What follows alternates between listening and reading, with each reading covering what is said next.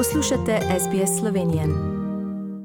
Nadaljujemo današnjo slovensko oddajo na radiju SBS v soboto 13. novembra. V četrtek se je na tisoče avstralcev spomnilo žrtvovanje naših vojnih veteranov o prazniku Remembrance Day.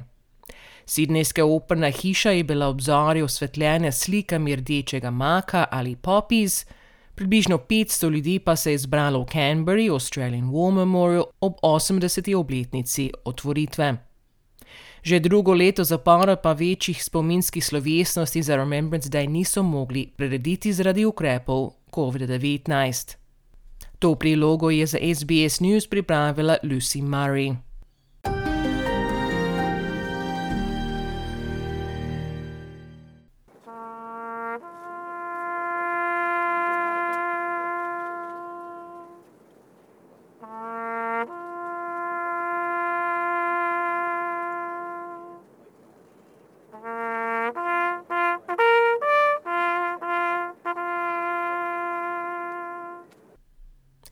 Remembrance Day pomeni konec bitke na Zahodni fronti 11. novembra 1918, po štirih letih spopadov med Prvo svetovno vojno.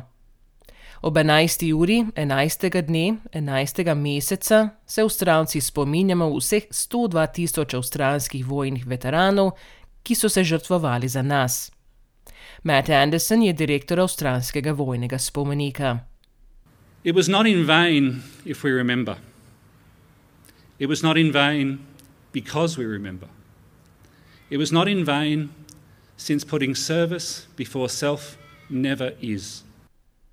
Čeprav je letos 103. obletnica konca Prve svetovne vojne, se še vedno spominjamo številnih konfliktov. Mladi in mladi po srcu so se zbrali po vsej Avstraliji. Dennis Davis, star 101 leto, je eden izmed zadnjih vojakov Rats of Tobruk, ki je bila ključna bitka v drugi svetovni vojni. We were there at the time, we were needed, and uh, we just answered the call. And it's through, through the service of so many people in that time that they have the freedom of Australia today. Boriti se za svobodo je tudi mnenje trenutno poveljnice mornarice Penelope Twemlow. I understand the freedoms that we are afforded here in Australia. Having those freedoms is vitally important for us, and to fight for those freedoms moving forward is something that I will continue to do. To je prva spominska svečanost, odkar se je Avstralija umaknila iz Afganistana. Veteran Pete Rudlin pojasnjuje.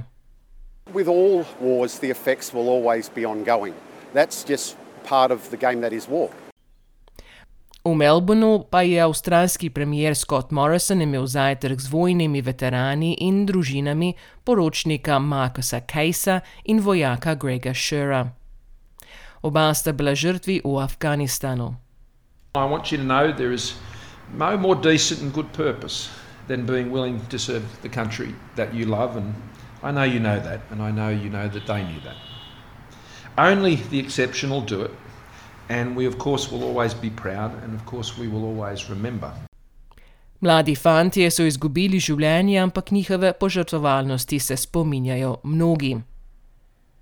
Rdeči mak pa je tradicionalni simbol spomina na Prvo svetovno vojno in raste v Zahodnji Evropi. Razgled na živahne rože je spodbudilo kanadskega zdravnika, podpolkovnika Johna McCreya, da je napisal pesem In Flanders Fields, po kateri so rožem dali ime Flanders Poppy. Ta pesem je na to spodbudila ameriško profesorica Mojna Michael, da je začela zbirati sredstva za nekdanje vojake. Gesta se je kmalo razširila v druge države, naprimer v Veliki Britaniji, Franciji, Kanadi in Avstraliji, kjer še danes velja za simbol tega dne. Želite slišati sorodne zgodbe? Prisluhnite jim preko Apple ali Google podcasta, preko aplikacije Spotify ali kjerkoli drugje.